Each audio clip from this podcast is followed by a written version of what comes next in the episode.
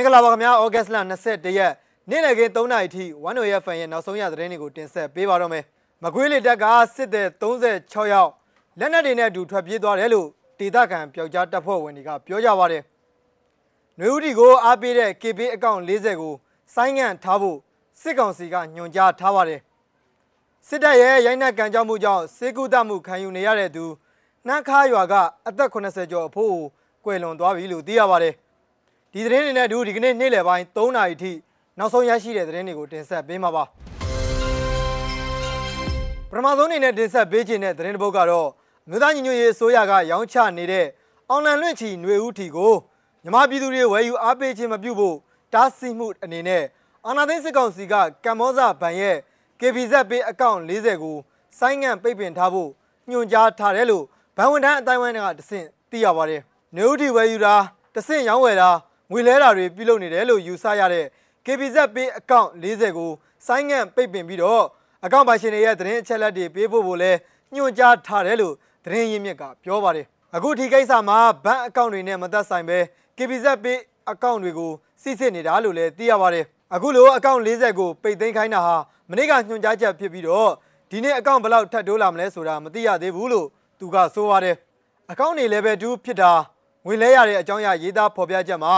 နွေဦးတီနဲ့ပတ်သက်တဲ့အကြောင်းအရာတွေပါတာတွေအဲ့ဒါတွေကိုအဓိကစစ်ဆေးကပိတ်ခိုင်းထားတယ်လို့သူကရှင်းပြပါတယ်။လာတူပဲညွှန်ကြားချက်တွေကိုအခြားဘဏ်တွေကိုလည်းညွှန်ကြားတာရှိမရှိကိုတော့မဇ္ဈိမအနေနဲ့ဆက်လက်ပြီးတော့စုံစမ်းနေပါတယ်။နောက်ထပ်သတင်းတစ်ပုဒ်အနေနဲ့အာနာသိန်းစစ်ကောင်စီတပ်တွေရဲ့ရိုင်းနှက်ကန်ကြောက်မှုကြောင့်စေကုသမှုခံယူနေရတဲ့သူနှမ်းခါရွာကအသက်80ကျော်အရွယ်အဖိုးဟာဒီကနေ့ဩဂတ်စ်လ22ရက်မနက်ပိုင်းတွင်မှာကွယ်လွန်သွားတယ်လို့ ရွာကန်တွေကမဇ္ဈိမသတင်းဌာနကိုပြောပါတယ်မနက်၄နာရီလောက်ကကွယ်လွန်သွားတာပါမနက်9နာရီလောက်မှာတော့တကြိုလိုက်ပါတယ်ကြံခဲ့တဲ့မိသားစုတွေကတော့အသက်ကြီးရွယ်အိုအဖိုးကိုအခုလိုလှုပ်သွားခဲ့တဲ့အတွက်ခံပြင်းဒေါသထွက်ကြတာဗောလို့သူကပြောပါတယ်စစ်ကောင်စီတပ်တွေကနန်းခွာရွာကအသက်82နှစ်အရွယ်ဦးကန်ထောက်ကိုဩဂတ်စ်လ18ရက်နေ့မှာရိုက်နှက်ကန်ကြောက်သွားခဲ့တာဖြစ်ပြီးတော့ဩဂတ်စ်လ21ရက်နေ့မှာခုလိုကွယ်လွန်သွားတာဖြစ်ပါတယ်အချိန်တွေကတော်တော်ဆိုးတယ်ဗျမောတယ်ဒဏ်ရာလည်းပြင်းတယ် မျက်နှာမှာရောကြောမှာရောလေဘင်းကလည်းအရိုက်ခံထားတာလည်းတော်တော်လေးရောင်နေတယ်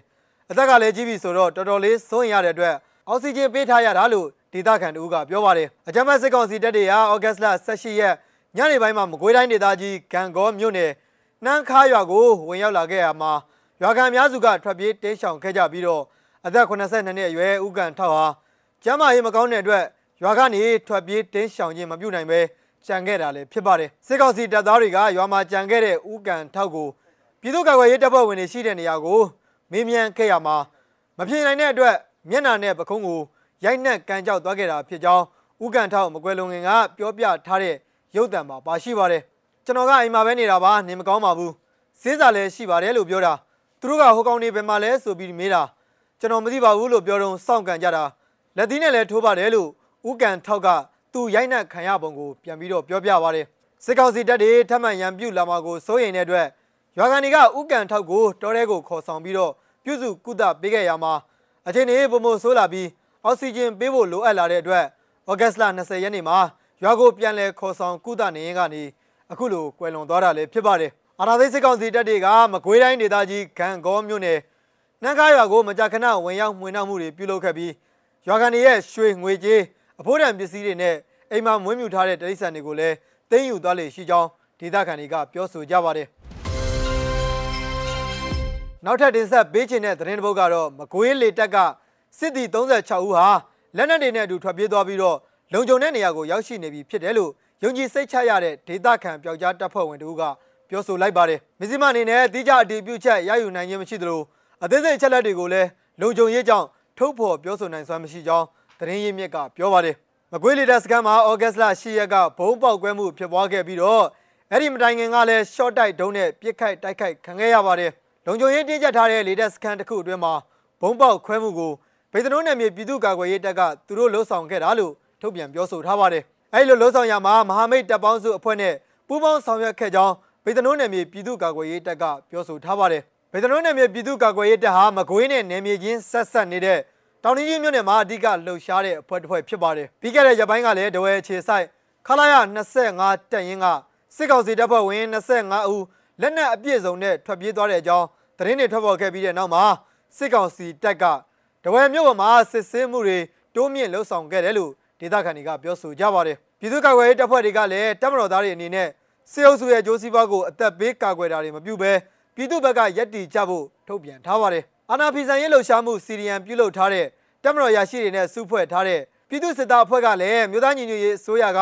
ကူညီမှုပေးနိုင်မယ်ဆိုရင်တလအတွင်းမှာစစ်ကောင်စီတပ်ကထွက်လာမဲ့စစ်သား900ခန့်ရှိတယ်လို့အရင်နေ့တွေကအတီးပေးထုတ်ပြန်ပြောဆိုထားပါတယ်နောက်ထပ်တင်ဆက်ပေးခြင်းတဲ့သတင်းတစ်ပုဒ်ကတော့ရန်ကုန်တိုင်းဒေသကြီးမြောက်ကလာပမြို့နယ်မှာဒီကနေ့မနက်ပိုင်းကအားပြင်းတဲ့ပောက်ကွဲတံကြီးနှစ်ခုကိုကြားသိရကြောင်းနဲ့ လက်နက်ကြီးတံဖြစ်မယ်လို့ဒေသခံတွေကထင်ကြေးပေးနေကြပါတယ်လမ်းဝဒရာအနီး1ရက်ကွက်နဲ့2ရက်ကွက်အနီးမှာမနက်ပိုင်း9:20မိနစ်မှာတစ်ကြိမ်7နာရီမှာတစ်ကြိမ်ပောက်ကွဲတံတွေထွက်ပေါ်လာခဲ့တာဖြစ်ပြီးတော့ဒေသခံတို့ကတော့အိမ်အောင်တုံနေဆိုပြီးတော့ပြောဆိုထားပါတယ်ပောက်ကွဲတံပြီးမှမြောက်ကလာပနဲ့မြောက်တကုံနေရာချို့မှာစစ်ကောင်စီတပ်ကစစ်ဆေးမှုတွေရှိနေခဲ့တယ်လို့လည်းသိရပါတယ်ဖြစ်စဉ်နဲ့ပတ်သက်ပြီးတော့ထိခိုက်မှုတစုံတရာမသိရှိရသေးပဲသိရှိရတဲ့အခြေအနေတွေကိုဆက်လက်ဖော်ပြပေးသွားပါမယ် ဒီကနေ့နေ့လယ်ပိုင်း3နာရီရဲ့နောက်ဆုံးသတင်းတစ်ပုဒ်အနေနဲ့စကိုင်းတိုင်းဒေသကြီးတွေကဆေးရနာရှင်စန့်ကျင်ဖြုတ်ချရေးတပိတ်စစ်ကြောင်းတစ်ခုကိုလည်းဖွင့်ပြပေးခြင်းပါတယ်ခင်ဗျာ ဆရာနာရှင်စနစ် တာရှုံးပါလေ ဆရာနာရှင်စနစ် တာရှုံးပါလေ